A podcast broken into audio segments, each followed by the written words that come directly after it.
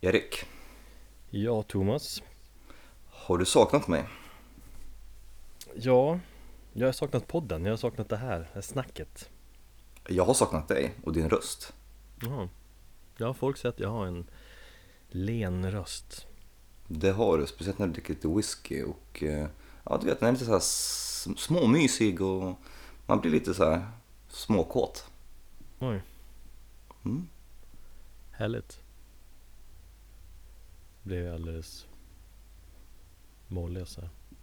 Nej, jag tar lite mer whisky tror jag. Jag tar en klunk av ölen här. Ja. Vilken härlig start. Nej, jag måste ju lugna nerverna. Ja. Ja, men då är, är vi igång. Eller just det, jag hade ju en fråga till dig. Ja, Du har ju flyttat nu i några dagar, haft fullt upp, jobbigt mentalt och allt det där. Men jag har en fråga och en eventuell följdfråga efter det. Shoot. Är eh, stereon installerad? Nej. Hade den varit det hade jag ställt frågan vilken var den första skivan eller låten du spelade? Nu kommer jag, nu säger jag istället följdfrågan, varför i helvete inte då? Eh, för att jag funderar på att ändra lösning eh, rent tekniskt här hemma. Jag har ju den här klassiska, en typ stärkare som är 20 år gammal. Mm. En riktig trotjänare faktiskt, den är hur grym som helst. Ja, det, är fan, det var ju ganska bra tryck i den minns jag, eller har jag hört. Ja, jo men det, det är det. Och sen så, den är ju kopplad till två vanliga golvhögtalare som är lika gamla. Och sen så kör jag allting via AirPlay. Ja, men vadå, du kommer inte göra det närmaste veckan, du kanske kommer göra det inom närmaste månaden eller någonting? Månaden? Eller, Ja, alltså själva den här nya, jag vill ju sätta upp liksom så här satellithögtalare i varje rum och sånt. Men eh, tills dess att jag gör det så ja, jag kommer använda mig av golvhögtalarna. Men eh, jag har bara inte orkat att koppla i dem för att det har eh, ja, inte varit prio. Men jag har ju en liten blåtandshögtalare. Ja, ja. Så Och den, den-. Ja, ja, och den körde jag ju med. Jag har ju lyssnat på sjukt mycket musik. Vi städade ju ur vår gamla lägenhet i, eh, igår i nio timmar. Och då lyssnade vi på musik konstant. Så att eh, den första skivan som jag satte på efter flytten här hemma. Det var... Slayer. Nej, det var faktiskt Sun Canon. Jaha, det var ett coolt val. Ja, i lördags morse. Jag ville ha lite så här mysig musik. Eh, Karo hade åkt eh, iväg på morgonen och eh, ja, Zacke satt och kollade på barnprogram så då hade jag så bakgrundsmusik i, i köket. Så då, ja, då var det den plattan. Ja men bra, då fick jag ett svar där. Jag blev lite skraj där att du inte hade lyssnat på någon musik överhuvudtaget. Tänkte att nu är det något fel på dig. Nej, nej, nej, nu är jag igång efter den där skitveckan som jag hade förra gången vi, vi snackade. Mm. Så är jag igång med musik. Absolut. På gång med podden är vi. Fan, jag är peppad känner jag nu.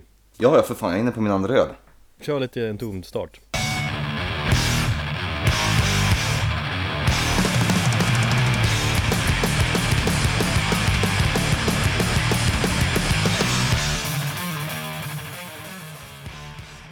Välkommen skall du vara till Metalpodden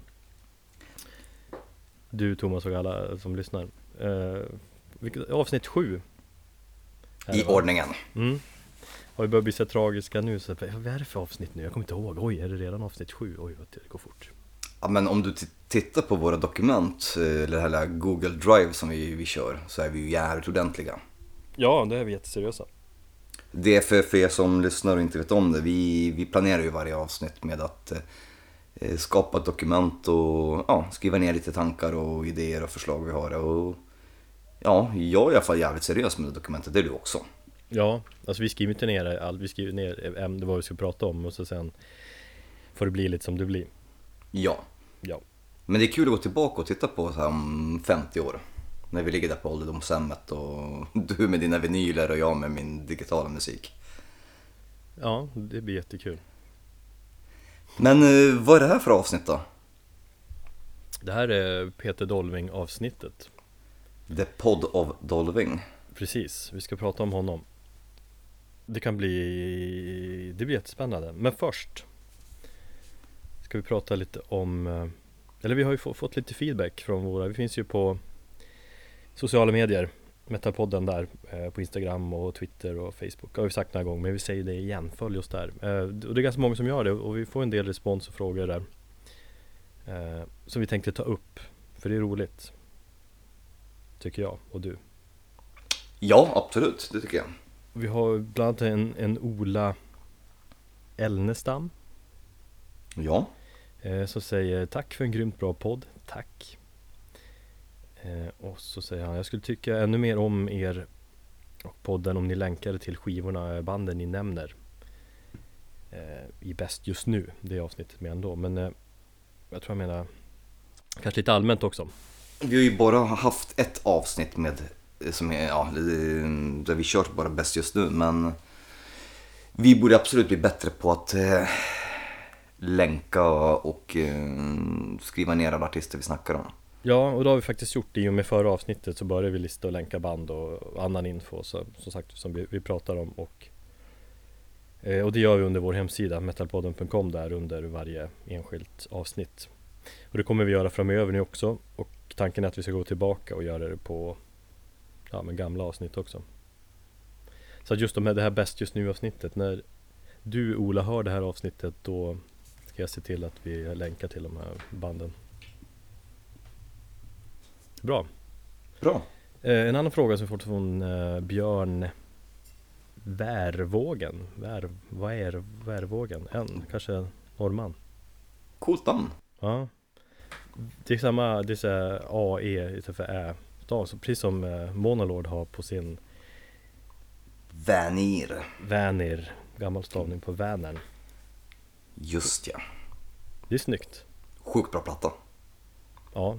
Fast sämre än debuten. Nej! Jo.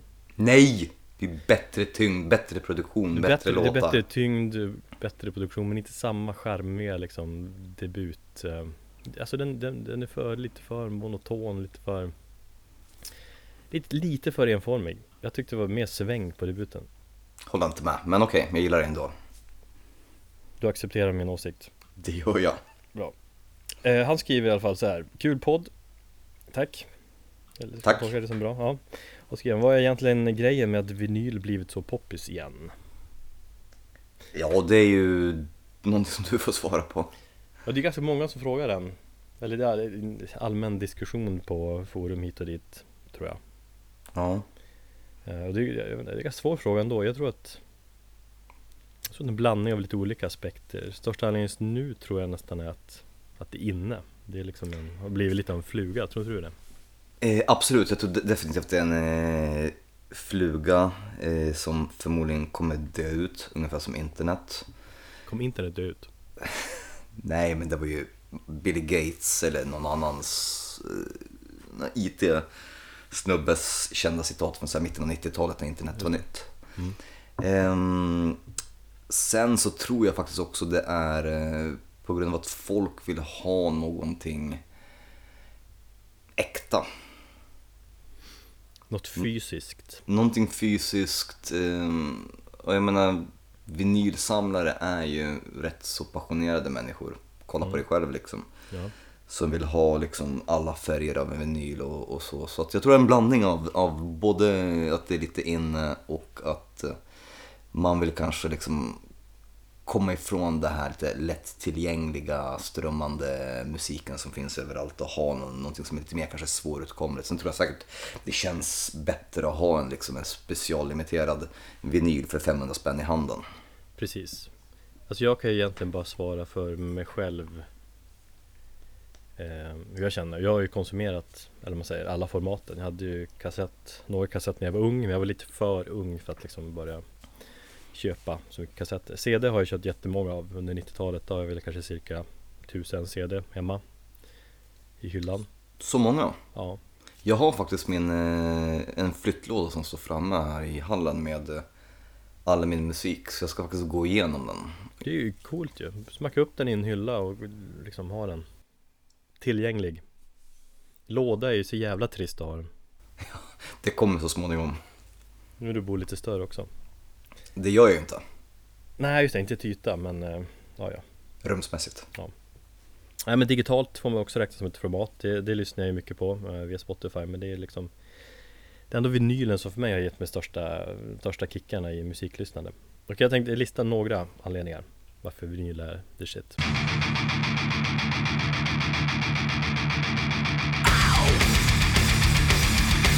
Ritualen du vet man tar fram skivan ur hyllan Man lyfter eh, på luckan till skivspelaren, lägger dit skivan, placerar nålen försiktigt, sätter i soffan Öppnar en öl, lutar dig tillbaka Tillber Satan Ja, jag har ju eh, den där fast med eh, CD-skivor. Men då får vi gå tillbaka, tror jag säkert till mina tonår när jag eh, la mig i mitt pojkrum, la i CD-skivan i min boombox. Och eh, sen så bara låg man på sängen och följde liksom med i texthäftet. Saknar du inte det lite grann då? Eh, jo, det kan jag faktiskt göra. I och med att som sagt, jag, jag tycker texter är väldigt viktiga. Så, och jag har ju inte samma möjlighet att lyssna på, på, på texter eller lyssna på musik med, med samma intensitet som jag gjorde när jag var liksom, tonåring. Men så jo, jo absolut, jag saknar det. Mm. Som fan. Bra. Eh, en annan anledning varför vinylen är eh, bra eller varför man ska samla på vinyl eller varför det blir så poppis eller varför det är bra för mig. Eh, det är skivomslagen. De blev ju i princip obefintliga med CD-formatet ska jag säga. I, I riktigt stort LP-format så har man ju Då tar man ju till sig formatet, tittar och analyserar skivomslaget och liksom titta på det i förhållande till musiken. Det är liksom en helhet, du har musiken, och låttexterna sagt och du har omslaget. Ja, men eh, framför allt så dödade ju strömmande media skivomslaget. Ja, då skiter ju folk i skivomslaget. Då är det liksom där uppe i Spotify, där längst ner till vänster, så man kan klicka upp lite större, men det är den i vägen för spellistorna, så klickar folk ner. Så folk, alltså, det är trist, för då tänker man inte på skivomslaget överhuvudtaget, som är ändå en stor del av alla fall en vettig skiva liksom. Det finns ju en helhet där. Det, där kan jag faktiskt tappar. säga att eh, en kul grej, när, när jag lyssnar på, mm, på musik eh, via min antingen telefon eller via min platta eller via datorn. Eh, så ser jag till att dra upp omslaget och förstora det. Man kan ju förstora i iTunes eller i Spotify eller vad man gör. Mm. Och sen så har jag liksom stående så att den syns och sen så ställer jag ifrån mig datorn på hyllan. Så blir det liksom så att det blir som en tavla som musiken spelas ifrån. Liksom, förstår du? Ja, det är lite så halvdant men jag, jag förstår. Bättre än... Bättre än ni inte ser överhuvudtaget. Ja. Ja, ett tredje argumentet här, ljudet. Du vet, analoga ljudet som alla pratar om. Eh, jag tror det är dock mycket känslan i det hela. Eh, man kanske inte hör jättestor skillnad egentligen, men det känns liksom bättre. Det känns mer på riktigt, känns lite varmare. Det där är tre jättebra anledningar och eh, saker som jag skulle köpa fullt ut, men det är därför jag inte gör det, för att jag skulle fastna i det här vinylträsket och jag vill inte det. Anledning nummer fyra, samlarvärdet. Du vet, värden på vissa skivor går ju upp, andra går kanske ner när det kommer en ny press och sådär men jag kanske får en blick då och då från min sambo när jag hämtar ut fyra olika paket eh, med skivor som jag gjorde häromdagen. Bland annat de här två fetjävla Metallica-boxarna som jag ska lägga upp på Instagram och visa hur coolt det är. Eh, och då får jag en blick från, från Linda med sambo Men då brukar jag förklara att ja, det kostar lite pengar men de blir ju värda mer i, i längden här Jag har faktiskt några skivor som skulle kunna få ett Som jag skulle kunna få ett x antal tusen lappar för Jaså? Mm. Jag har ju en signerad eh, revolverskiva med Peter Dolving CD eller vinyl? Hallå? CD? Mm. Jag har ju inga vinyler Nej men tänkte att du hade någon Ingen alls? Jag hade en en gång. Jag fick faktiskt en promoskiva i LP-format skickad från eh, ett vet det, skivbolag. Eh, ett band som heter Ratos de Porao. Jag tror de är brasiliansk, om jag inte missminner mig så tror jag det är brasiliansk punk eller hardcore. Ja, det låter coolt. Men den försvann innan flytt. När fyller du år? 4 november. Förvänta dig en vinylskiva. det börjar ja. helvetet. Ja, eh, precis. Ja, jag fortsätter här. Det får du klippa bort bäst du vill, det ger fan i. Men, eh, hur många anledningar har du? Jag vet inte. eh, nummer eh, fem, Fem. sex här. Det ser snyggt ut. Jag hatar att komma till en, du vet, på fest en person utan skivsamling. Tråkigt. Ja men då, då, då får du inte komma till mig. Ja, alltså det, ja, det är lite tråkigare känsla hos dig än hos mig. Rent musik liksom inramningsmässigt. Jag kan köpa det. Annan anledning, eh, du lyssnar ju på ett helt annat sätt. Du hör hela albumet. Eh, digitalt blir man hetsad på att byta låt. Plus att man missar hela det här sida A och B-tänket. Och plus att låtordningen som, som man, man ska lyssna på skivan rakt igenom, det är ju som en, det är genomtänkt. Det har vi ju lagt ner timmar och timmar på. Jag hatar folk som ska köra random och grejer. De kan dra åt helvete. Men det har vi. Ja, ja, ja absolut. De, de, de kan fan skjutas i ansiktet. Eh, Nej, men jag, även om jag lyssnar på, på strömmande media så... Fan, jag gillar inte att säga strömmande media, det låter så jävla stelt. I alla fall. Eh, så lyssnar jag på album från start till slut som det är tänkt. Ingen jävla random, ingen jävla shuffle. Fast ibland är en låt, där, fan den här var lite lång. Eh, Jag tar nästa låt nu. Nej! Nej. Du lyssnar på låten trots att du inte Okej gillar men den. må- många andra gör ju så. Ja, ja, men det, de är dumma i huvudet. Ja. Eh, sen har jag några till, jag får ge mig här nu då. Men eh, du stödjer banden eh, när du köper skivor. Även om du, det kanske inte kommer så mycket pengar i slutändan, den lilla procentsatsen på slutet. Men Av en skiva som kostar 140 spänn så är det väl typ 11 spänn som hamnar i bandets ficka. men det är väl ändå härligt. Du- får ju tänka att det var så här, kungöl på systemet. Du, du köper en skiva så ger du bandet en öl. Tja, drick en öl. Men du köper ju hellre merch av dem på, på spelningarna. Då Jo, men det gör man ju 100 också. Det gör man ju också. Det är ju det är ju också självklart. Har du Eller okej, det ger mer pengar kanske. Va? Har du några fler? Ja, lite att det är nostalgisk känsla där. Ja, med minnesbank-grejen jag pratade om. Att jag kan gå tillbaka till min skivsamling, plocka fram en skiva och minnas tillbaka tiden där då. Då liksom jag köpte skivan. Minnen som flashar förbi, känslor jag hade och så vidare.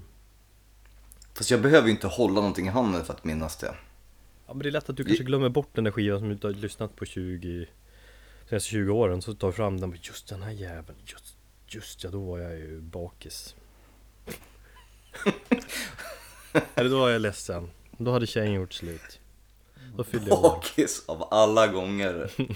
Av alla saker du ska minnas så ska du minnas att du var bakis. Ja, det var ett jättebra exempel. Mm. Nej, jag köper det. Men jag har ju ett motargument. Det är ju förbannat dyrt. Ja, men vad fan, man måste ju prioritera. Ja, jag prioriterar ölen, men det har vi ju gått igenom tidigare. Mm. Nej, jag vet. Det är ett jävla vansinnigt dyrt intresse. Men jag var Björn i Värvågen här. Björn Werner Värvågen. Björn Wernir. Det var mitt svar till honom. Det var veckans frågor. Från Ja. våra lyssnare. Nu är det Dolving som väntar här. Exakt, nu kör vi igång med avsnittet.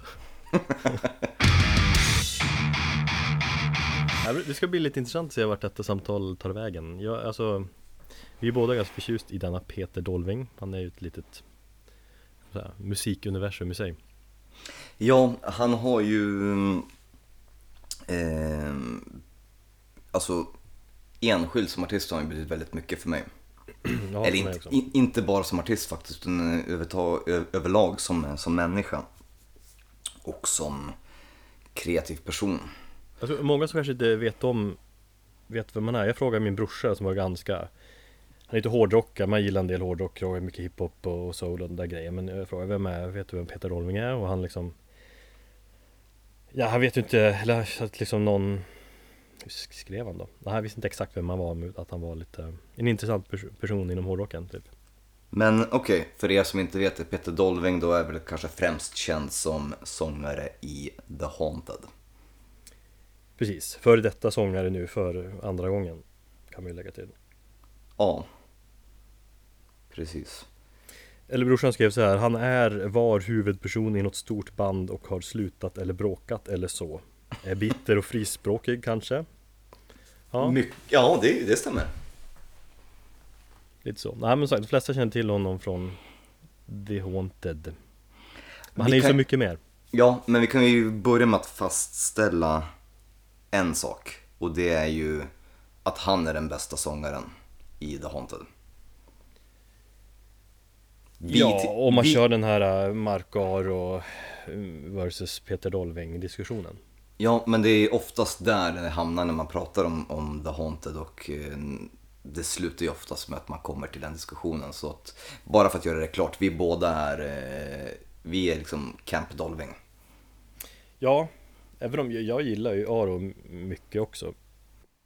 Men han är ju en helt annan typ av, eller mycket mer förenklad eller enklare sångare än Dolving. Dolving är ju har ju så mycket, Ja, han, mer. ja nej men jag, jag blev ju så förvånad när, när eh, The Haunted nu, var det förra året de släppte, ja när Aro kom tillbaka för andra gången till bandet. Mm. Eh, då blev jag väldigt förvånad över hans insats på den skivan för att han lät riktigt, riktigt bra. För jag har alltid tyckt att han är lite trist och har en väldigt odynamisk röst. Det är liksom bara samma tonläge och det är brutal machoskrik liksom. Han är ju ganska endimensionell och det har han ju fått kritik för alltså, det- När jag har läst intervjuer med de andra bandmedlemmarna som är Björler och, så- och så vidare i, i, i tidningar så säger de ju också att när, Alltså när Dolving har spelat i bandet att uh, men Are var ju lite för För enkel, de, de, de kunde inte skriva de här mer melodiösa grejerna Nej. Nej men jag gillar honom på, på The Haunted Made Me Do It men eh, One Kill Wonder, det är nog den skivan. Alltså, fan den är dels är den så jäkla högt mixat och överproducerad. Den är bara så otroligt kompakt och hans röst stör mig så pass mycket så jag kan inte lyssna på den plattan. Eh, Ja, problemet är ju produktionen på den och så låtarna ska jag säga, så visst DOA är ju svinbra. Ja, den är riktigt bra. Eh, det är en live-låt som, eller låt som de kört live med Dolving också Men den skivan som hel den är ju nog deras sämsta. För att, ja, sämst låtar ska man säga. Tycker jag. Nej men just Dolving som eh, kreativ person, jag menar han är ju inte bara, eller han var ju inte bara aktiv i, i The Haunted utan ja, han har ju gjort miljarder projekt. Ja, han är ju liksom Att bes- besätta han är bara en sångare Eller en musiker Säger man väl För att han spelar ju mycket instrument på hans, i hans band och projekt också Men han är Han känns som mer en konstnär i allt han gör Mm. Och det är inte bara att han har, han har en konstnärssida på internet där han, han, han målar ju konst och, och så Men han, han gör ju allt alltså, det är musiker, artist men liksom även poet. Författare Det är den här poetiska och författarsidan som jag ville komma till lite grann för det är där han har inspirerat mig väldigt mycket. mm. Ehm, ja, under... Rent personligt då så har han under mitt, eh, min uppväxt han betytt eh, otroligt mycket för mig för att eh, ja, mång, under lång tid så hade det jävligt jobbigt rent personligt och hans texter ehm, ända upp till The Dead Eye liksom. När, när kom den? Den kom 2007. 2000... 2006 tror jag Ja okej, ja men under 2008-2009 så började mitt liv gå lite mer uppåt. Men innan dess så hade jag lite mer tufft och då hade jag nästan en sån här fanatisk besatthet av eh, honom. Nästan som om man vore en liten belieber fast man vore en liten ja, Dolving fantast istället. Eh, men hans texter, eh, jag fann väldigt, väldigt mycket tröst i dem. mm. Eh, speciellt på skivan eh, Revolver och The Dead Eye som jag hör, håller som eh, bandets bästa plattor. Eh, jag har svårt att bestämma mig vilken av de två plattorna som är bäst för det beror på lite grann min dagsform. Jag tycker vi återkommer till det lite, lite Ja. senare Absolut. Vilka de bästa Haunted-plattorna är Ja, det gör vi. Det har vi listat. Men eh, det är just hans texter. Och eh, han skrev ju en bok som hette Sieg Heil Svensson. Som var en form av, ja, en självbiografi, en sån här kåseri av något slag. Och den är så brutalt ärlig att eh, det vände sig i magen när jag läste den. Har du läst den? Jag har ju inte gjort det jag, Jag har, jag har den så du kan, ska få låna den av mig. jag har för mig att jag beställde den en gång Men att den var slut eller något sånt där Mm. Ehm, Men det var ganska länge sedan nu Men alltså han, han har ju alltid varit en Jag har ju fastnat för honom av må- många olika anledningar också Men framförallt för att han är väldigt provokativ Han har Ja. liksom en förmåga att snacka Inte kanske alltid snacka skit men snacka mycket om allt och alla Han är ju Jag tror många ser honom som en ganska påfrestande person Han kan ju vara liksom lite barnslig ibland Ja, men det tror jag säkert. Han, han, är, Men- ett bok, han är ett bokstavsbarn liksom Ja, också. men han berör ju alltid. Han Ja. är en konstant citatmaskin. Han, är som sagt, men han han har ju sagt så jävla många dumma saker. Ja. Egentligen. Fast det ge- säger han ju för att liksom få uppmärksamhet. Men Kommer ihåg en citat att liksom, han säger att han har haft, hade ångest till han var typ 30 eller 35 bast över att han inte hade dödat någon person än. Jaså? Ja. Men det säger ju ganska mycket om Alltså när jag blev helt Inte frälst i honom, eller jag, det är ju mu- musiken, hans sångstil som jag alltid älskat liksom som metalsång Så är han, tycker jag, en av de bästa liksom metalsångarna Som finns Mm. Han har liksom en unik sång, han har lite så galen känsla och det är liksom Ganska multidimensionell sång Ja, han kan ju gå från sån här ångest, ångestladdad skönsång till eh, high pitch, bara hardcore skrik. Ja, Nej, så, nej det, det jag, jag röstmässigt och det faktumet att han är en fantastisk eh, låtskri- eller, eh, textförfattare, speciellt på, eh, på Revolver, ja eh, gör ju att det är väldigt svårt att inte gilla honom. Nej precis Han, Men han berör ju, alltså Även om jag inte läst jättemycket låttexter men Revolverplattan läste jag mycket eh, och även Dead Eye då Men han, han, han berör ju, med sin sång känner man att det är, det är dramatiskt Om man säger så Men du måste läsa boken alltså för att, eh, och en liten brasklapp för det finns en liten grej i boken som han berättar. Han har ju väldigt trasig eh, ba, barndom. Jo, och det har jag ju läst en del om, alltså jag, för mig Det var Jag tror det var 06 också inför The Dead Eye Close-Up intervjun där, den var ganska klassisk Som Martin Karlsson som då jobbar med för Close-Up Ja. skrev Fan jag saknar Martin Karlsson för övrigt Han var ju bäst i Close-Up Han är väl chefredaktör för Sweden Rock Magazine nu tror jag Yes, det stämmer. Han gjorde alltid de bästa reportaget. Han liksom fick längsta intervju med Metallica inför Saint Anger där och bara hängde med Slipknot på hemma, hemma hos Joey Jordison. Ja men var det, var det inte då eh, Metallica bojkottade Close-Up efter att han hade eh, hänvisat till ett eh, nedkortad version av Saint Anger i själva artikeln. Ja, nej, var det inte då Martin Karlsson fick mycket skit för att han, han hade hört Saint Anger första gången hur han liksom skrev de här flosklerna att det var typ det häftigaste någonsin. Kanske var, ja, kanske, kanske var någon annan. Nej, jag tar fel. Skitsamma. Att Lars Ulrik spelar blast beats och så vidare. Nej men Martin Karlsson är ju grym. Jag saknar honom. Utan Ja. Han eh, det känns som att jag känner alla de stora banden som får alltid de unika liksom ingående reportagen, bor hos dem och hänger med Motörhead på en in, vi ska hänga i turnébussen en vecka och så däckar han efter tre dagar efter att han inte fått sova någonting. Så. det var härligt. Nej men i alla fall den close-up intervjun han gjorde, det, den, den minns jag mycket väl. Då berättade Dolving jag tror det var första gången han berättade om sin barndom och just om att morsan var missbrukare från unga år och att han själv blev liksom började ta hans morsas hostmedicin, så här, morfinmedicin när han var bara några år gamla, typ fyra, fem år gammal. Ja.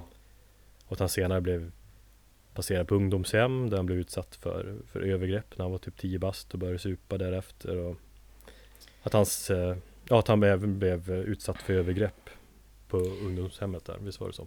Ja, i boken så beskriver han eh, hur han än idag känner smaken av sin morbrors sperma i munnen.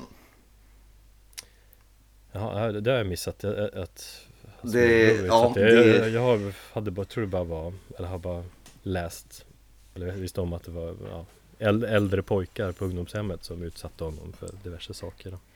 Eh, nej, men jag, jag tror det började redan i tidig ålder med, med någon släkting. Jag vet inte riktigt om det var morbror kanske, så jag ska inte svära på det. Men just det här, jag minns det i boken för att det fick mig faktiskt vända, vända sig i, i magen på mig när, när jag sa att han kände, kände den här smaken än idag liksom i vuxen ålder och liksom kommer ihåg. Och det var bara så här, nej fy fan. Ja, det är ju mörkt. Ja, och sen så började så här supa och droga i liksom jävligt tidig ålder. Precis, när han var ja, typ 11 år. Hans styvfarsa gav väl honom stryk också, mycket och ofta. Ja. Eh, Men det var ju fascinerande att läsa liksom vilka droger han tagit som knarkare, för han är ju en före detta narkoman. Ja. Jag läste om hasch-te en gång, kommer jag ihåg. Jag bara hasch-te, fan det låter spännande. och lite missbrukat sömntabletter och all, all fanskap som finns. Um, och så hans hat han känner mot sin farsa. Det är också en citat liksom att han bara önskar hela, hela hans, eller hans farsa och hela hans släkt ska förintas typ och så, här. så att han Ja Utifrån den bakgrunden, hans, hans barndom så förstår man ju att han Inte alltid har mått så bra. Eller att det har Och påverkat att vem han- han är idag. Ja, att han är som han är, precis. Eh, samtidigt så tycker jag att det är otroligt starkt av honom att vara så pass öppen med allting. Han är som han väldigt öppen, han är ju helt rakt igenom liksom naken med Mm. det där. Och det är ju väldigt ovanligt. Och jag tror det är därför man fascineras ännu mer av honom.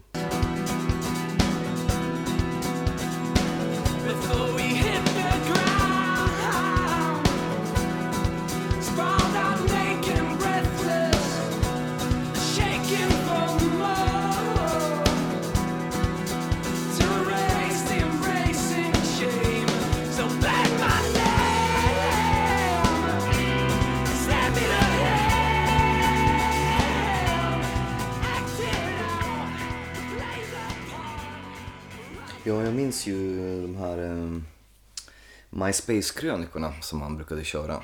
Som sen blev Facebook-krönikor innan han försvann ett tag. Men det var ju när MySpace var lite häftigt där.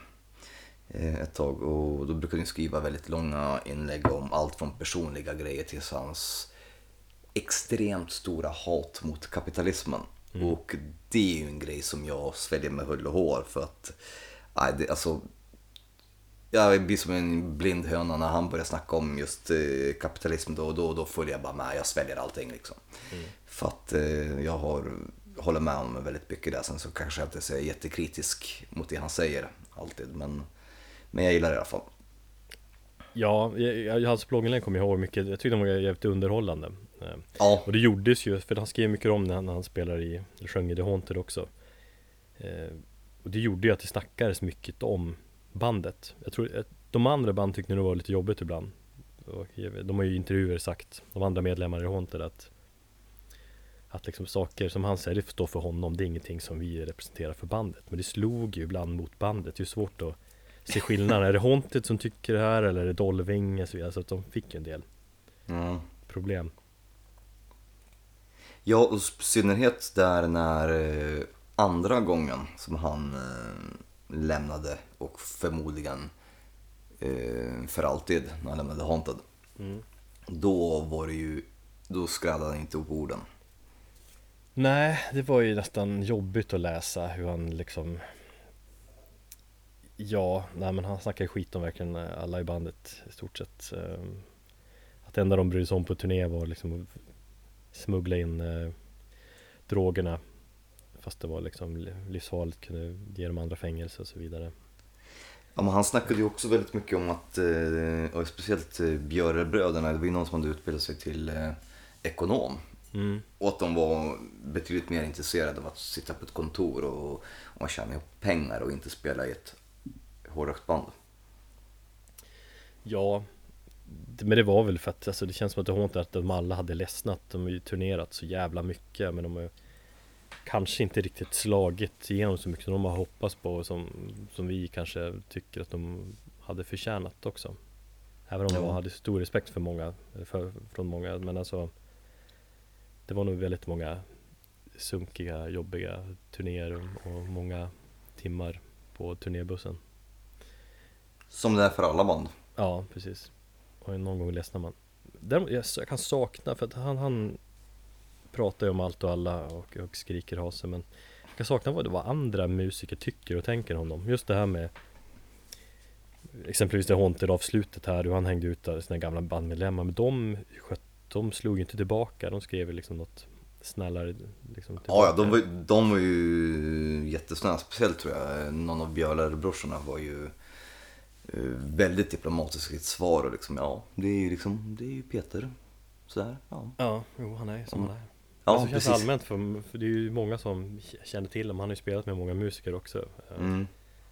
Men det är sällan man läst någonting eller något citat från andra musiker om honom Det kan jag Nu när du säger det så har du Tycker jag faktiskt rätt. Jag har inte heller... Det känns som att alla på något vis stryker honom lite medhårs Kanske för att de känner honom, vem han är Det är som att de är lite rädda för honom någonstans I och för sig, jag har en kompis som har eh, spelat, eh, som har haft honom som eh, gästartist på en skiva och han hade faktiskt bara gått att säga, men då var det kanske under hans bra period. Och då var det bara goda ord om, om hur jävla grym han var som, som sångare och vilken bra insats han gjort på plattan och sådär. ja. Men i övrigt, nej. Man har säkert en helt fel eller skev bild på honom eh, Vem han är också, ska man träffa honom privat så skulle man säkert Känna helt annorlunda Eh, ja, ehm, jag har ju intervjuat honom. Eh, det gjorde jag inför Versus-skivan. Mm, det var ungefär väl 2009 tror jag. Ehm, satt vi på eh, jag tror jag, Scandic Hotel där på Östermalm. ja. Eh, sjukt bra intervju tänkte jag säga. Nej men sjukt eh, intressant var det att få träffa honom och eh, jag tror att jag hann bara ställa en fråga och du vet han bara spårade. Det- Jag tror vi började prata om några så skitgrejer och så, du vet, bara för att mjuka upp inför intervjun. Jag brukar alltid ställa någon lite mer så här, vet, avväpnande fråga som kanske bara lite mer liksom chill. Ja. Eh, för att liksom sätta stämningen. Eh, och då var han bara spårade totalt och sen så satt vi i två timmar och snackade. Och, nej, det var inte två timmar, vi snackade i en timme. Jag hade bara fått en halvtimme tilldelat. Eh, och när jag satt där på hotellet så, så kom ju skivbolagspersonen. Eh, Jenny Wahlroth heter hon faktiskt och bara så här, knackade på rutan så bara, du, och pekade på klockan så här. Du, det är dags att avsluta. Jag bara, jag försöker, jag försöker, det går inte. För jag får inte slut på honom, det är han som sitter där och håller på liksom. Eh, och vi hade lätt kunnat snacka i två, tre timmar. Men det blev väl typ 70 minuter snack om allt från Hitler till, ja jag vet inte, Palestina-Israel-konflikt. Ja. Det var ingenting om musik i alla fall. Väldigt politiskt, Ja, men det känns ganska typiskt för hans intervjuer när man läst att Från att han kan vara jättedjup och prata om sin barndom och öppna upp sig så totalt på ett chockerande sätt till att eh, vet, Inför Unseen där så var han inte så sugen på att snacka om skivan Någon intervju han bara äh, jag har inget att säga om skivan, den är svinbra eh, Pratar om Mm. någonting annat Och att han, han kan vara lite svår men ändå lite, lite kanske en liten dröm från Journalister från din sida och, och prata Ja, för mig, för mig så var det ju bara, eh, det var ju en liten dream come true. Som, en fanboy, eller som den fanboyen jag var just då. Ja Och Eh. fortfarande är lite grann Eh, ja, på sätt och vis. Jag känner ju att jag har ju fått en, en återpepp på Dolving efter eh, att de har annonserat att I am Fire ska komma tillbaka. Ja Det är bara, åh, så här jävla grymt var det. För att... Eh, eh, Alltså vi, han Han finns ju på Facebook kan man säga. Är- han är otroligt underhållande på Facebook eh, Så följ honom där, eller bli vän med honom ska man ju bli det kan man inte bli. Han har redan nått maximala antalet.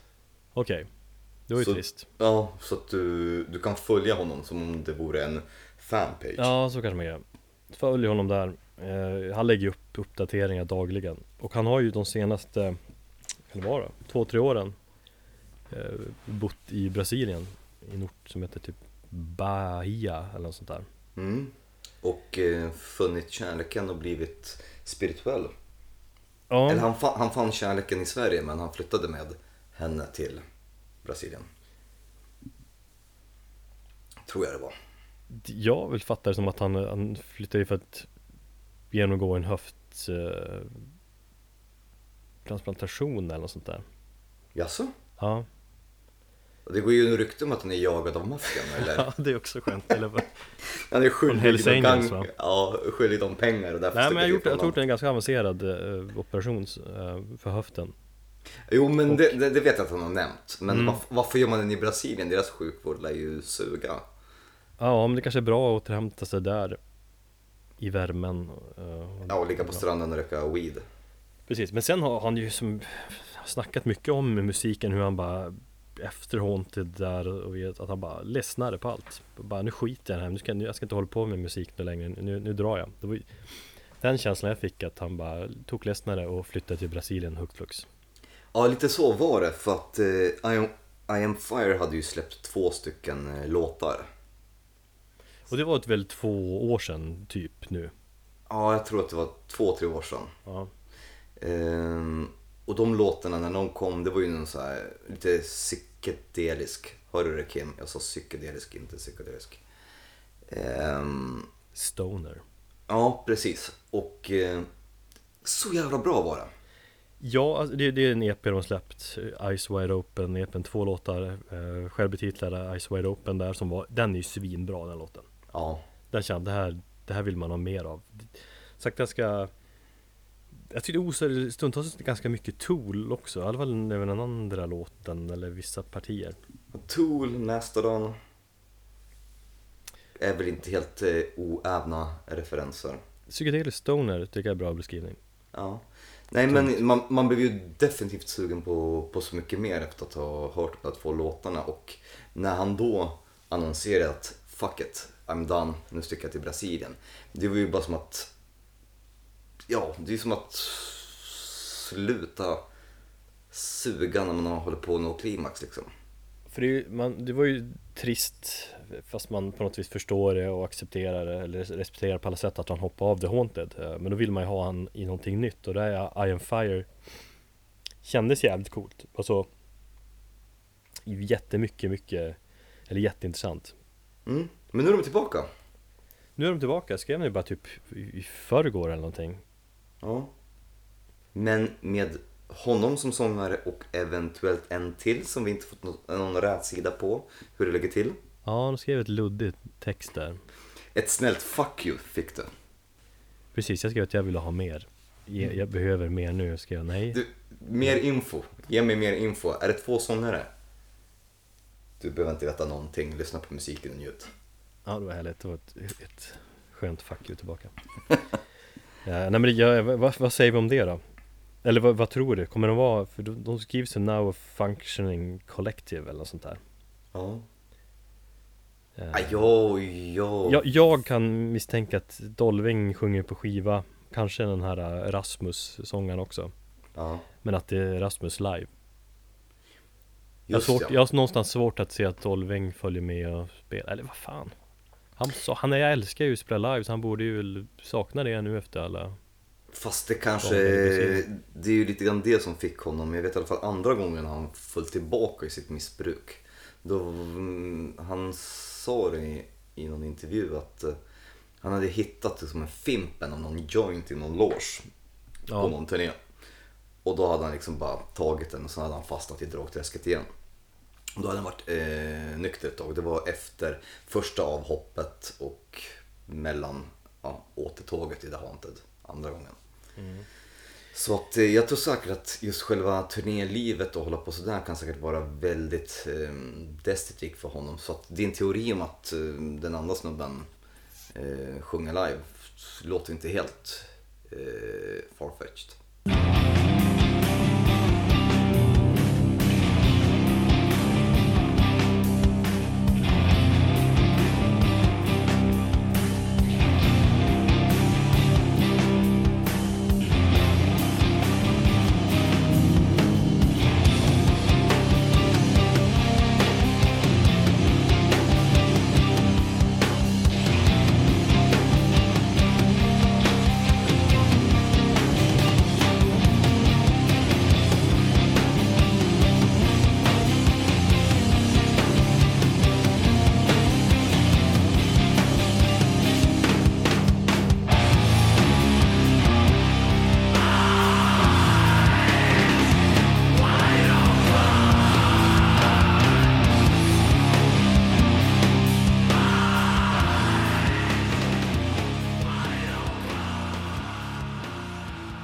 Sen nu när man, när man följt Dolving där på, på Facebook I år har det ju hänt väldigt mycket känns som Eller att man, man anar att han är på väg tillbaka på alla möjliga sätt.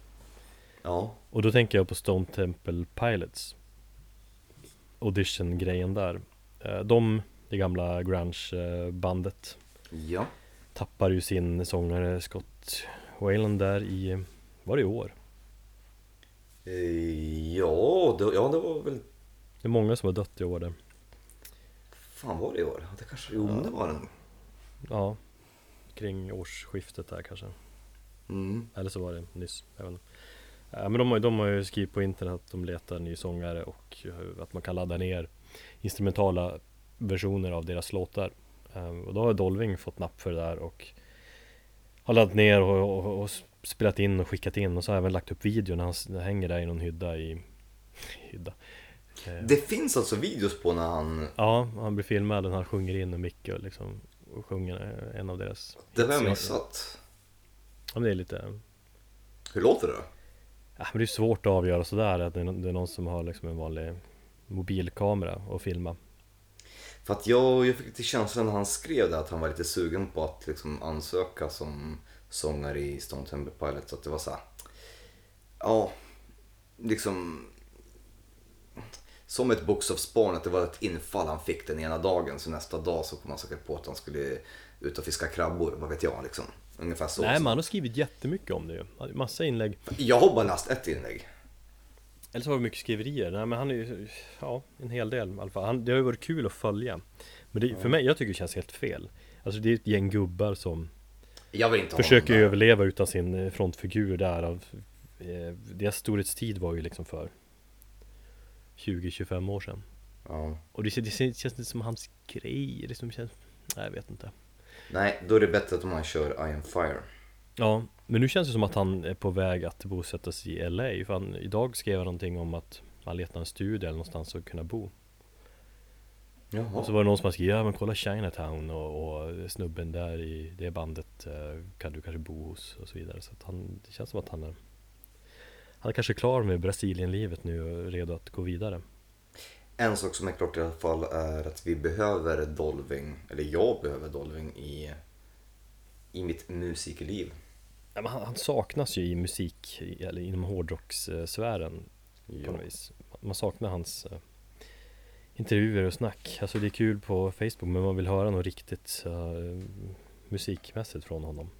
Jag skulle inte behöva höra någonting alls mm, som är i stil med The Haunted. För där känner jag redan att jag har, jag är färdig och jag har fått, jag har fått två av de bästa skivorna som någonsin existerar och sen så, that's it liksom.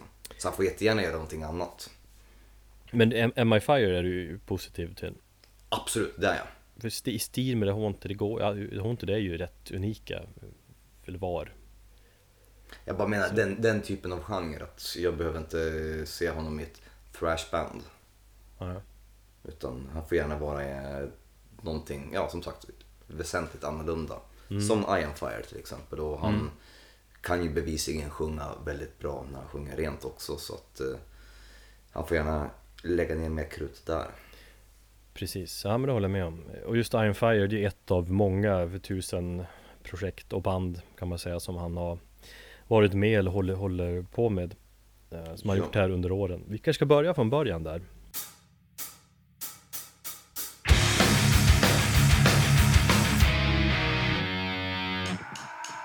Slog väl igenom med, med Barry Beats Mary Beats gäng där. bara Barry 90-talet. Beats Jane. Mm. Älskar sådana bandnamn för övrigt Mary Beats Gäng, det är lite som Alice in Chains Det ser liksom bra ut Och så sen när man tänker efter vad det betyder och bara Va? Ja men det är de här tre, tre ordsbanden. Det är Ja, ju rätt precis. populärt att ha så här. Ja men substantiv, verb, substantiv typ.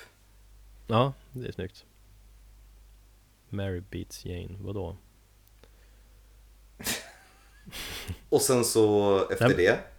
Ja men det, det, man kan väl snacka lite om den eh, skivan ändå Ja men hur många plattor släppte de med Mary Beats Jane? Två, de släppte ju debuten där själv betitlade 2000, eh, nej 2094 Mm. Den är ju jävligt bra skiva, lite före sin tid kan jag tycka jag vet, genremässigt, det är ju thrashigt eller så hardcore thrash eh, stuket någonstans. Jag skulle vilja placera det i någon form av hardcore fast med eventuella grunge-inslag. Ja, grungeigt också, men det är ju thrashigt också. Alltså Är det? det är en del snabba riff och sånt, ja det tycker jag. Ja, jo, men det är det. Och de vann ju Grammis, Hårdrocks Grammis faktiskt, så att de var ju på sin tid. En Bombus-referens där för övrigt. Eh, Peter Asp, trummisen från Mary Beats Jane, eh, spelar ju trummor i Bombus idag. Oh, så där. Mm. Eh, de... eh, Han är för övrigt en trummis som varit med i massa av hans, Peter Dolvings andra projekt, så att eh, Peter Asp känner nog Dolving väldigt bra. Så i framtiden när du ska intervjua Bombus igen, Ja, så tycker jag att du ska begära att få snacka med herr Asp. jag satt och snackade med trummisen i ett band om jag intervjuade. Det är ju tråkigast. Jag har intervjuat en trummis. Och det var precis lika tråkigt som, som det är. Nu säger, jag inte att Pet- nu säger jag inte att Peter Asp är tråkig, men mm, trummisar, de, de kommer ju oftast in i rummet, lägger sitt till något jävla klickljud och sen går de därifrån så gör de resten av bandet. Tänk om vi inte får intervjua Lars Ulrik. Du, varför kan du inte hålla takten för? Ja. Ja, nej, absolut. Eh, det är ju en annan femma att få intervjua Lars Ulrich faktiskt. Eh, men eh, ja, Mary Beach Jane, jag har två plattor. Eh, debuten och Locust hette andra plattan. Ja, den är ju lite annorlunda, den är lite mörkare, lite mer industriell. Fast också jävligt bra. Jag har inte, egentligen inte lyssnat lika mycket på den, men jag tycker att den är bättre. Alltså den känns lite mer coolare.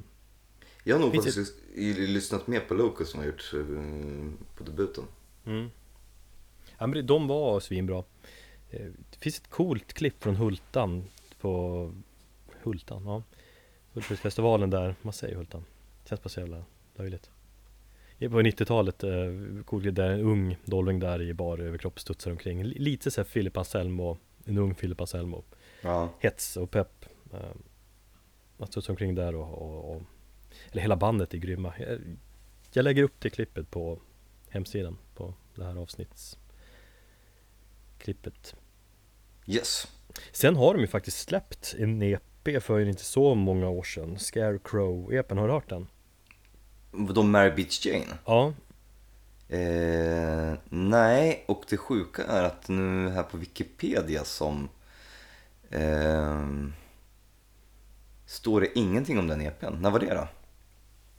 alltså det finns under Dolvings samlingssida på ba- hans bandcamp-sida, eh, House of Dolving där. Men det Mm. finns, den finns på Spotify också.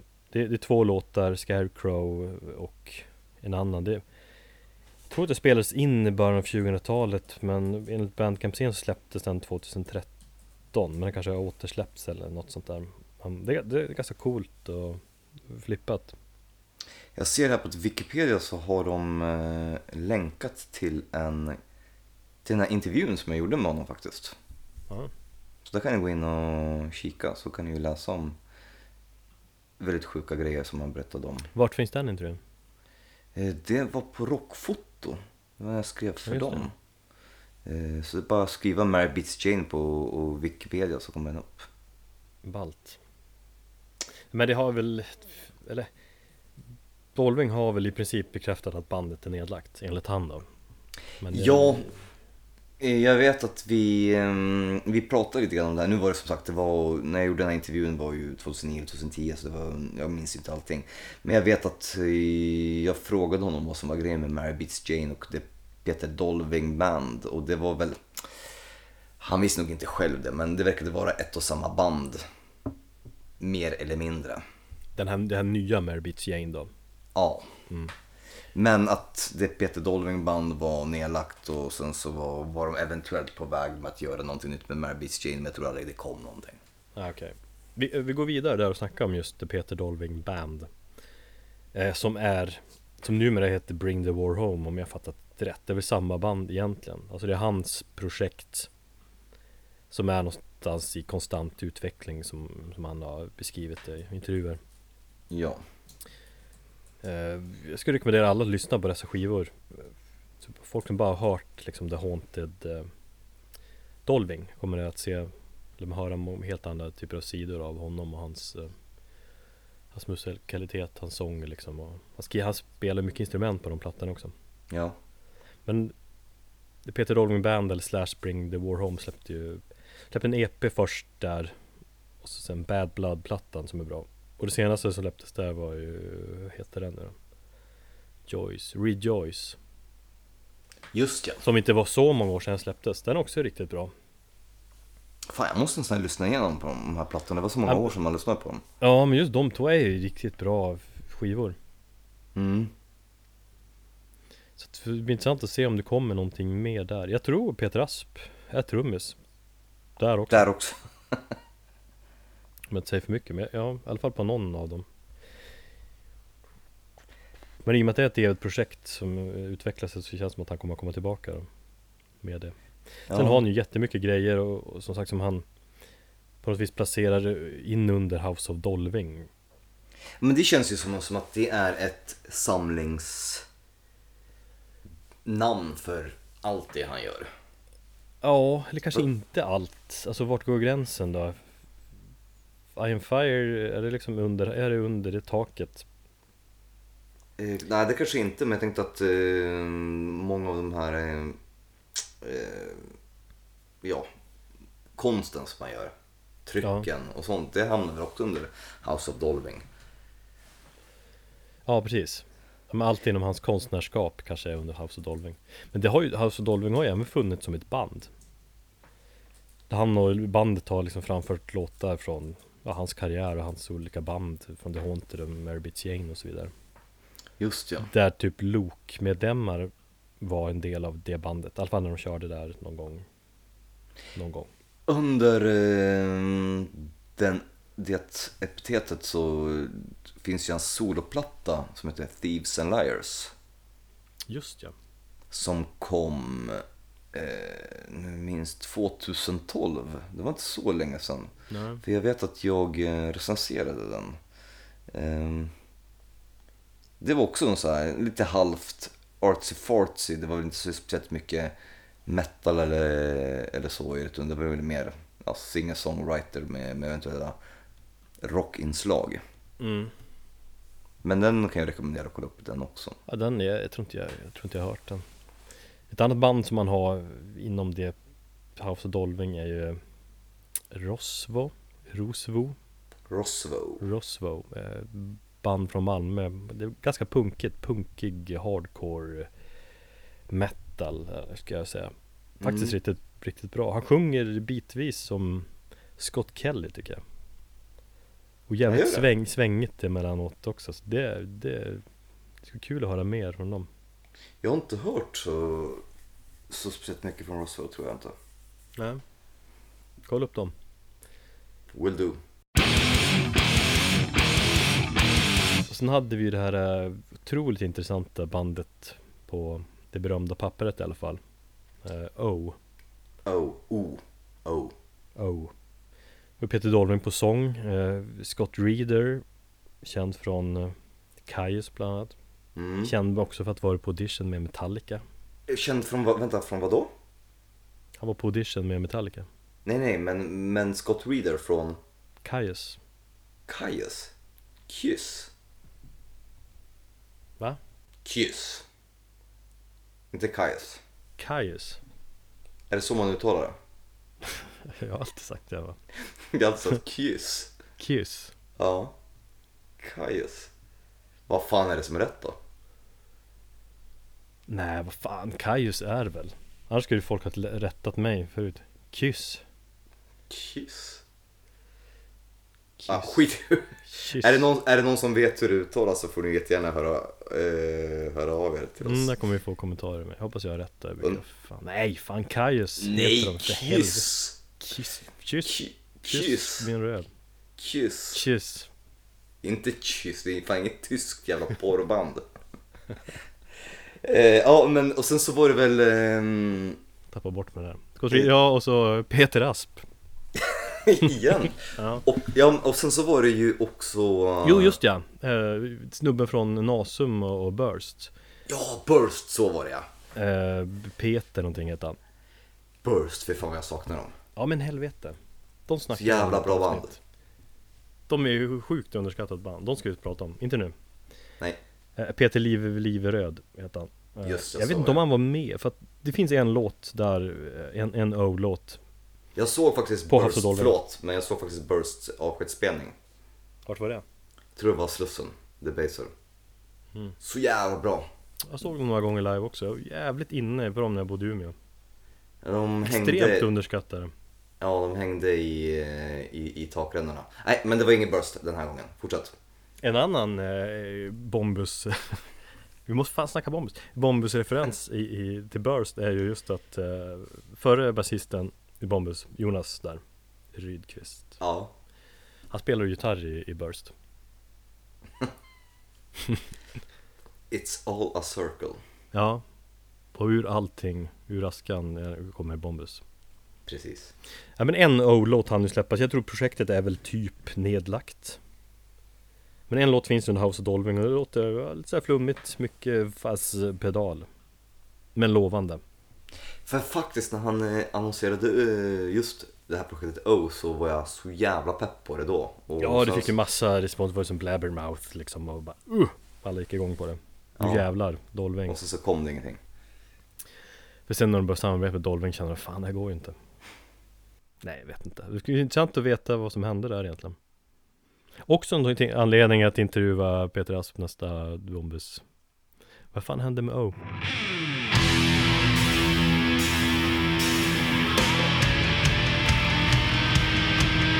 Eh, andra projekt. Chemo. Kimo Det är Dolving och en annan snubbe. Kim Lanto. Ska vi att han heter så? Lanto. Mm. Eh, Det har jag lyssnat en del på, det är ganska svår Svårtytt alternativrock, lite så här indie-rock va? Jag har egentligen lyssnat för lite för att liksom Jag har faktiskt inte hört alls. betygsätta det eh, Sin Monkey har jag hört en del Sea Monkey. Sin Monkey. Sen Monkey Sen Monkey. Sen Monkey heter de. Eh, Jag tror att det bandet kom till eller var mest aktivt efter att han hoppade av Haunted första gången där. Ja. Jag vet att Johan Rivén från Lok bland annat eh, spelar trummor på någon session där. Um, Balltrummis. Um, annars tror jag Peter Asp faktiskt spelar trummor. Ja man fanns med. Fan Peter Asp, han verkar finnas överallt. Um, men det är, det är ganska skitigt och skränigt och, och lite stoner. Om jag minns rätt. Eh, det här är till er lyssnare alltså. Gå in på peterdolving.bandcamp.com så hittar Eller ni House of Dolving band, Bandcampen kommer det va? Eller båda är det väl?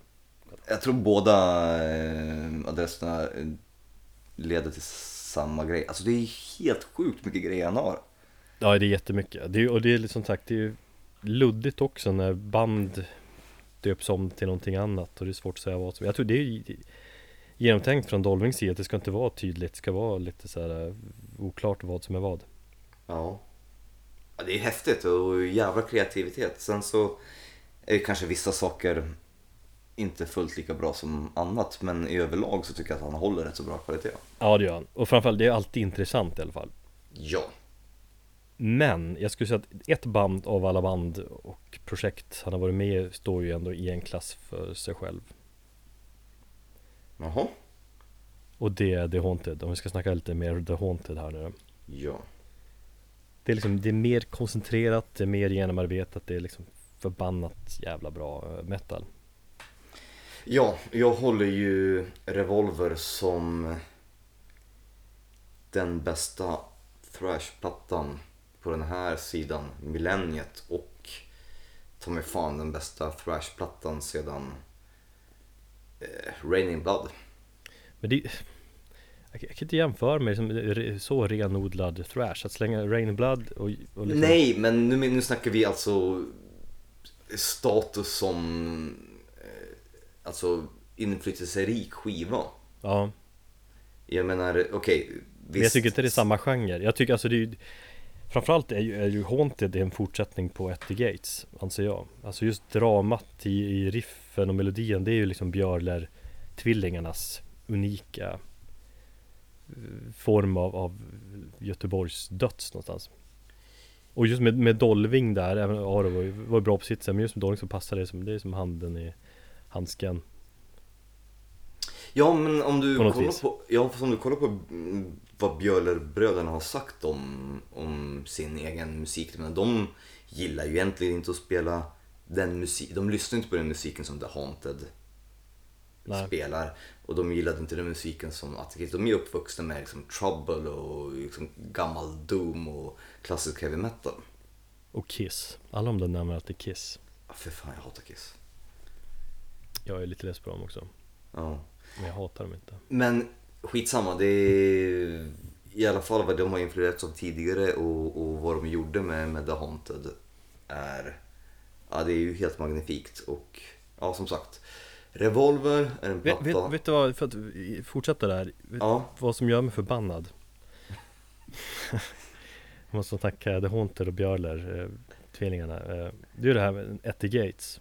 ja, När de släppte, som alla längtar efter att ha tjatat om i 20 år, när de släppte sin comebackplatta här för två år sedan. eh, ja, At Typ, War som- with som- Reality. Ja, som var jävligt bra, det var den. Men det är ju som eh, folk liksom, recensioner och snackar, vad fan de är tillbaka och det eh, fortsatte där de var senast för bla bla 18 år sedan eller vad det var då. var precis så, det var precis så jag skrev i min recension för att det, är ungefär så det var. Fast det är så det inte är. Jag, jag liksom, Haunted är så jävla viktig del av deras utveckling, musikaliska utveckling. Jag hör, när jag lyssnar på den Nettie Gates plats så hör jag Haunted överallt. Jag hör Jaså? liksom, det, det, ja, det, fast det blir ju annorlunda med tanke på att det är Tompa Lindberg som sjunger då. Som är ju också mycket sämre sångare än, än Dolving. Fast han är, han är ju Gates sångare. Men alltså Deras just typiska liksom dramatiska metal riff. Det, det är ju mycket i The Haunteds musik också. Det är som en fortsättning. De har gått tillbaka lite grann för att hitta Etty Gates soundet. Men det är jättemycket Haunted tycker jag i Etty Gates. I den plattan. Och därför är det ju så att säga att, det, att de bara jämför liksom för gamla Etty Gates plattan från, ja, vad den där nu kom, 96 till den här senaste och säga att ah, ingenting har förändrats. De har gjort så jävla mycket däremellan och framförallt med The Haunted. Det, det gör mig förbannad. När jag säger att ingenting har förändrats så menar jag ju att de ju inga drastiska steg för att förändra At the Gates-ljudet. Ehm, Det är väl kanske lite mer uppdaterat till ja, 2014 då, när, när, när den kom. Ja, det är snyggare produktion och sådär. Men jag har nog aldrig försökt, eller jag har nog aldrig tänkt på det som så att eh, liksom, det fanns en massa The Haunted-plattor däremellan under de här 18, eh, ja, 17, 18, 19 åren som, som det har gått som eventuellt skulle kunna påverka den. Utan jag har bara sett den som en rak fortsättning från ungefär där de lämnade av. Vilket kanske är något lat beskrivning av bandets ljud. Ja, det kan jag, tycker jag. Och jag det, det jag tycker köpa. många, många hade den inställningen, men jag, jag tycker det är helt fel. Och jag tycker man hör jättemycket av deras liksom Haunted-drift. Eller det låter Björler metal. Och de har Ja. utvecklats liksom i, i 20 år. Och bara kolla på det Haunted, vad alla, alla grejer de gjort där liksom. Jag kan faktiskt tycka att den plattan är nu så här eh, i efterhand är lite, lite slätstruken. Den går i... Låtarna skiljer sig inte så jättemycket om man liksom jämför med Slaughter of the Soul. Nej.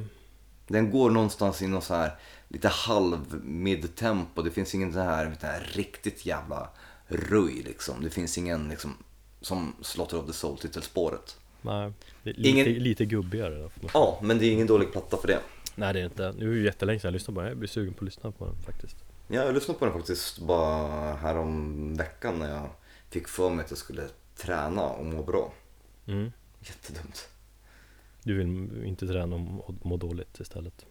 Jag är inte intresserad av att träna. Jag är intresserad av att snacka podd och dricka öl. Det är fan det bästa. Ja.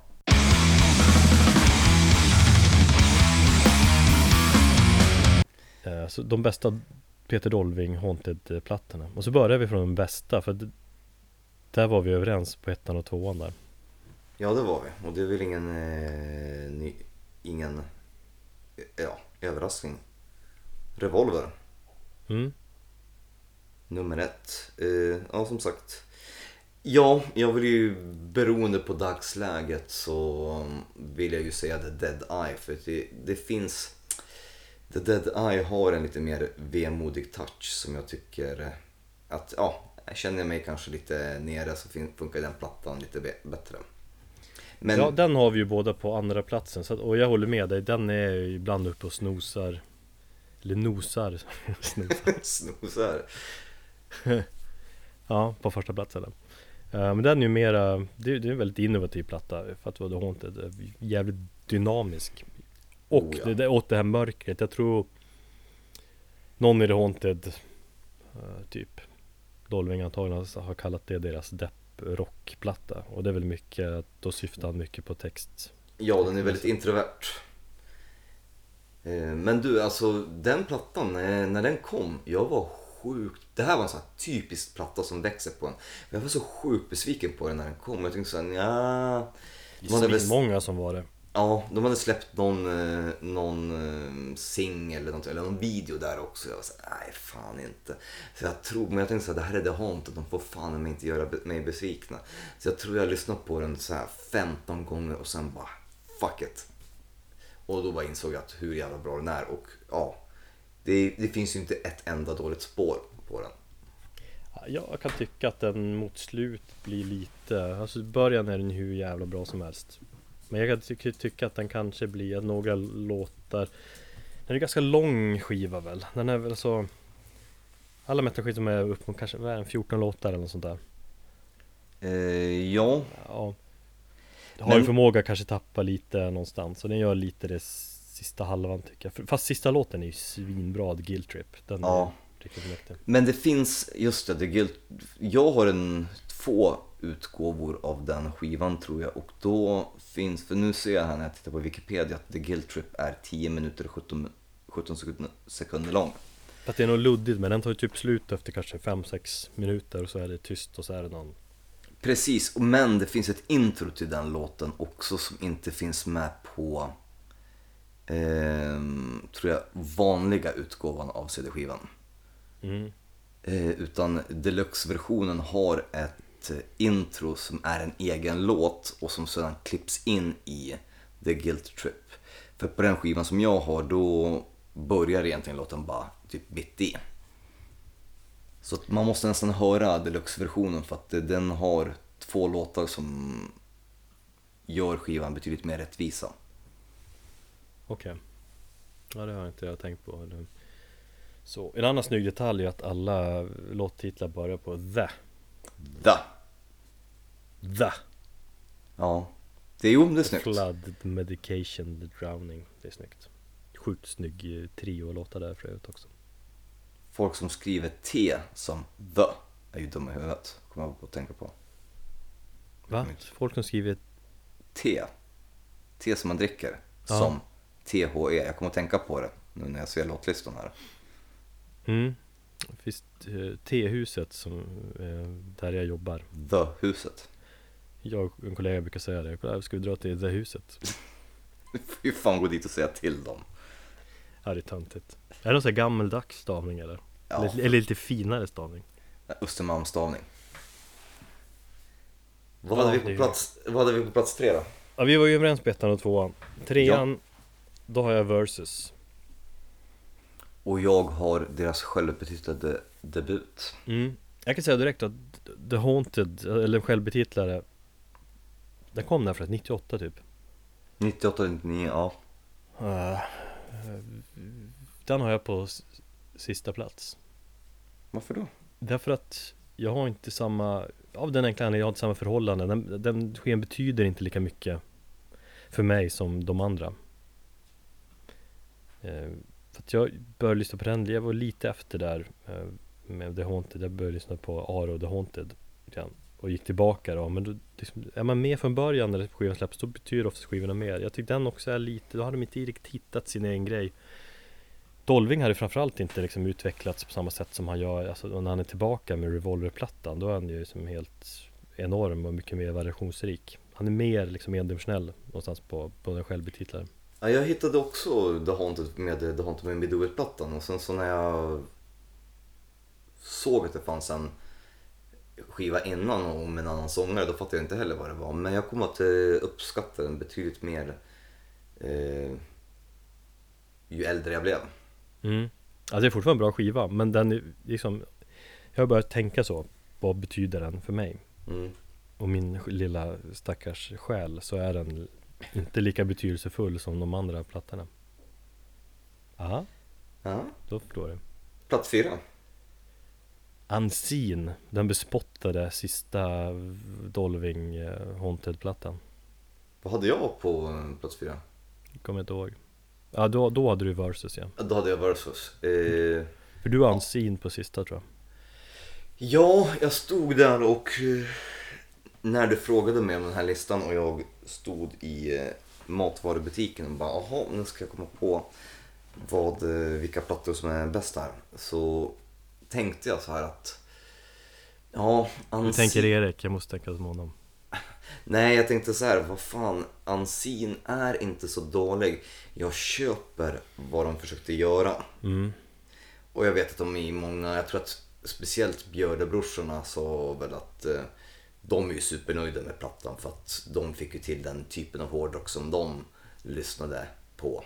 Och även Dolving som fan helsike vad han, vad han var pepp över den skivan Ja, i och för sig, det var han. Jag Ja. kommer ihåg så här reklamsnuttar hur han liksom bara Nu kommer den skivan och den är så jävla bra Alltså han var hur peppad som helst Men det finns faktiskt... Eh, det var också en jättestor besvikelse när den kom. Gillade och... Eller lärde mig att gilla vissa låtar. Men det finns några låtar som är så bara utfyllnad för mig som jag inte pallar att, att lyssna på. Men det finns tre bra låtar och det tycker jag är... Eh, det är ju Unseen. Disappear. Och framförallt The Skull. The Skull eh, är så jävla snygg låt Han sjunger så jävla snyggt där. Ja. Han sjunger, när han sjunger rent. Och sen bara totalt bryter och blir asförbannad. Ja den, den är så jävla bra låt Den, den är, ja. Jag så- att den är underskattad men jag tror många har missat den Men The Skull med The Haunted, alltså den är jävligt bra. Cool blir låtuppbyggnad och allting. Jag blir så förbannad på att Apple Music inte har just den skivan i, i sin tjänst. De har Ja. allt annat förutom den. Jaha. Det är för att du ska köpa den på vinyl eller något sånt där. Ja men då, jag tycker ändå Never Better eh, introspåret är coolt. Alltså han sjunger ju Riktigt bra på den låten Även om refrängen är lite lökig Och även andra spår No Ghost som är lite så här. äh, Det är väldigt inte, inte så mycket The Haunted men den är Den är cool Den är okej. Jag... det, är- det, det, det är ett skönt groove om man får säga så den här låten tycker jag Ja, De gjorde lite annat, alltså de försöker göra väldigt mycket med Unseen-plattan Jag tror också de tänker lite kommersiellt att nu ska vi skriva en bra platta som fler får upp ögonen för Däremot så kändes det att de inte var redo att leverera det live, när man såg dem live så var det ehm, de fick så mycket skit för den plattan minns Fast jag. både och egentligen ska jag säga för att jag, jag, jag läste lite så gamla Haunted-intervjuer inför det här eh, i close-up och så här. Jag sparar alla close-up tidningar Mm. Som jag funderar på att sälja eller ge bort eller slänga Men nu, nu inser jag att jag ska ha kvar den för det är kul att gå tillbaka och läsa Eh, Men där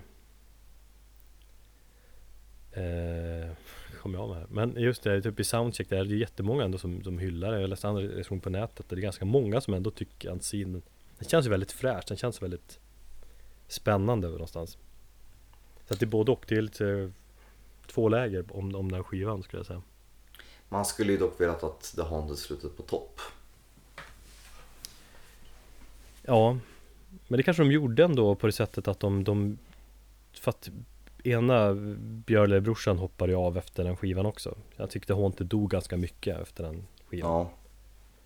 Att de slutade på topp med argumentet att de vågade prova och gå i den riktning de, de, de ville liksom och skita vad andra tyckte. Jo. Ja, det är ju vågat. Jag har ju, ja, när vi, vi kan väl avsluta med och eh, berätta ett litet minne och, eh, och det är just av Revolverplattan. Och det var just under 2008 när jag bodde i Sydney. Så jobbade jag eh, i stan precis vid Operahuset. Men jag bodde på andra sidan vattnet eh, så man var tvungen att gå över en bro. Jag lyssnade alltid, och jag jobbade ju då på Ripcord, den här surfbutiken. Jag var butikschef där. Så varje morgon, det tog en, exakt en halvtimme att gå till jobbet. Så varje morgon till jobbet och hem så lyssnade jag på Revolver. När jag gick över den här bron. Eh, för, för det var så här verkligen, jag var så jävla less på alla jävla turister. För det är ett väldigt så här, turistställe så att eh, alla lyxbåtar kom ju in precis till hamnen och det första de gjorde när de liksom klev av det, det var att de såg en Rip Curl butik och där stod jag liksom och lyssnade på, på metal i min butik också så vi inte fick det. Vi skulle lyssna på jävla skön surfmusik. Eh, så varje dag... Liksom, så här, varje, Surfing USA. Ja, precis. Så varje dag efter jobbet så var jag så less på alla de här, det var sjukt mycket ryssar, äckliga ryssar. Så här, rätt köpta fruar. Som, som kom in där och som handlade för flera tusen, skulle ha surfbrädor och allting och sen så gick de därifrån och så, ja. Så lyssnade jag alltid på Revolver på vägen hem liksom. Och sen dagen efter. Och så var det dag ut och dag in. Så att jag vet inte, jag har lyssnat på den plattan säkert bara när jag bodde där eh, över hundra gånger liksom. Ja den är så jävla bra, jag har ju samma förhållande till den egentligen När jag lyssnar på det, jag, slängs tillbaka de där 10, 12 14 åren eller vad det är Den kom 2004. Ja Mm. Du, där, där butiken, var det då också du slängde ut eh, Janne Kears från Maiden Den här fjolliga Maiden-gitarristen? Det, Ja, den där jävla lodisen. ja, Eh, ja, nej, men det var ju när jag hade sett ehm, ehm, Iron Maiden på den här Summer Back in Time-turnén. Jag hade... Tänk- Tänkte du då på Janek hur liksom hur, hur speciell han är på scenen? Och Ska vara helt ärlig så hade jag, vi hade rätt så dåliga platser. Så att vi satt ju längst bak i någon jä- jävla kupol. Var Acer Arena tror jag någonstans. Så jag tror inte jag, jag kollade inte speciellt mycket på honom utan det var mest bara Bruce Dickinson som syntes. För att jag vet att han gjorde typ 75 000 klädbyten på, på typ två timmar. Eh, och sen så hade de ju kört igenom hela um, Eddie, um, liksom hela disk dis- diskografin så att Eddie bytte ju skepnad han också. Han var ju en stor robot som sprutade eld och sen var han en power slave och allt möjligt liksom. Ja, den här supernostalgiska turnén, eller om jag har gjort flera sådana Ja, eh, sjukt bra var det. Men jag tror att mina ögon var fästa vid eh, Bruce Dickinson hela kvällen för att han sprang oförtröttligt omkring på scen hela tiden. Och jag blev så jävla imponerad. Och så man brukar, lä- ja, man brukar lägga märke till Järni, för han, han brukar stå till höger Längst till höger Ehm, Och han, han, är ju så, här- han är ju så jävla sprallig, svänger på gitarren hit och dit och gör, Jo. går ner i spagat typ och Ja, jo absolut. gör Jag, sparkar och grejer. Det ser jätte fånigt ut när man tittar typ på Youtube-klipp. Jag tror han fick lite uppmärksamhet också för veckor sedan. Bara, vad fan är det här seriöst? Hur, kan Maiden ha en gitarrist som beter sig så här? Men sen live, då, då köper man det på något sätt. Sen har- han ju lite skit också, för han är ju den, den gitarristen som är mest onödig. Ja, i och med att han kom in så sent och han kom in där 90 kanske då, då liksom alla de här klassiska Maiden-skivorna redan var skrivna Så de menar, fan han har ju inte skrivit någonting bra Men han skriver ju ändå mycket Men du, nu, nu, när du säger det så vet jag att mitt, min dåvarande flickvän frågade vem fan är den där som håller på och sprallar runt omkring Dickinson? Och det var nog han. Men jag tänkte nog inte på det då. Men jag kommer på att jag fick den frågan i alla fall. I alla fall, eh, dagen efter konserten, jag tror det var en fredag de spelade, så jobbade jag på lördagen. Ehm, och eh, vi hade, det var en butik med två våningar och precis vid ingången på nedre, nedre plan så hade vi ett stort klockskåp. Med så här surfklockor och allt från ja, vanliga streetklockor liksom. Eh, och vi hade haft väldigt mycket inbrott. Och eh, fått väldigt mycket stölder där. Så att eh, de hade bara några dagar innan, då hade min chef bett mig då om att eh, vi skulle hålla koll på det här eh, skåpet och, och se till så att inte folk var där och liksom pillade eller försökte med någonting. Så ser jag någon som står där i det här på lördagen då, precis vid, så här, vid stängning, så att det var, mm, vi stängde klockan sex, tror jag, så det var halv sex eller någonting. Står det någon eh, benrangel i eh, camo trenchcoat. Eh, blont, eh, liksom drypigt av svett liksom hår. Och, och bara står liksom så här, håller på jättemysko vid det här klockskåpet. Jag var bakfull också.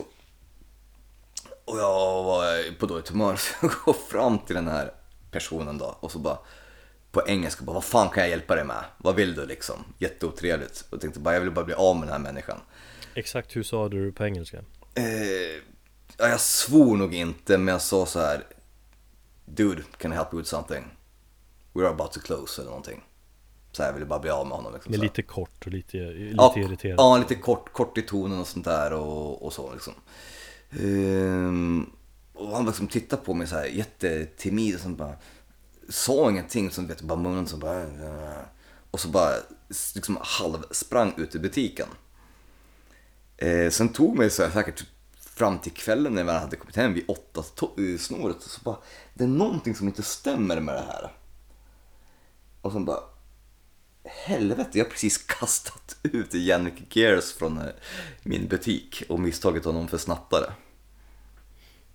Det är kung.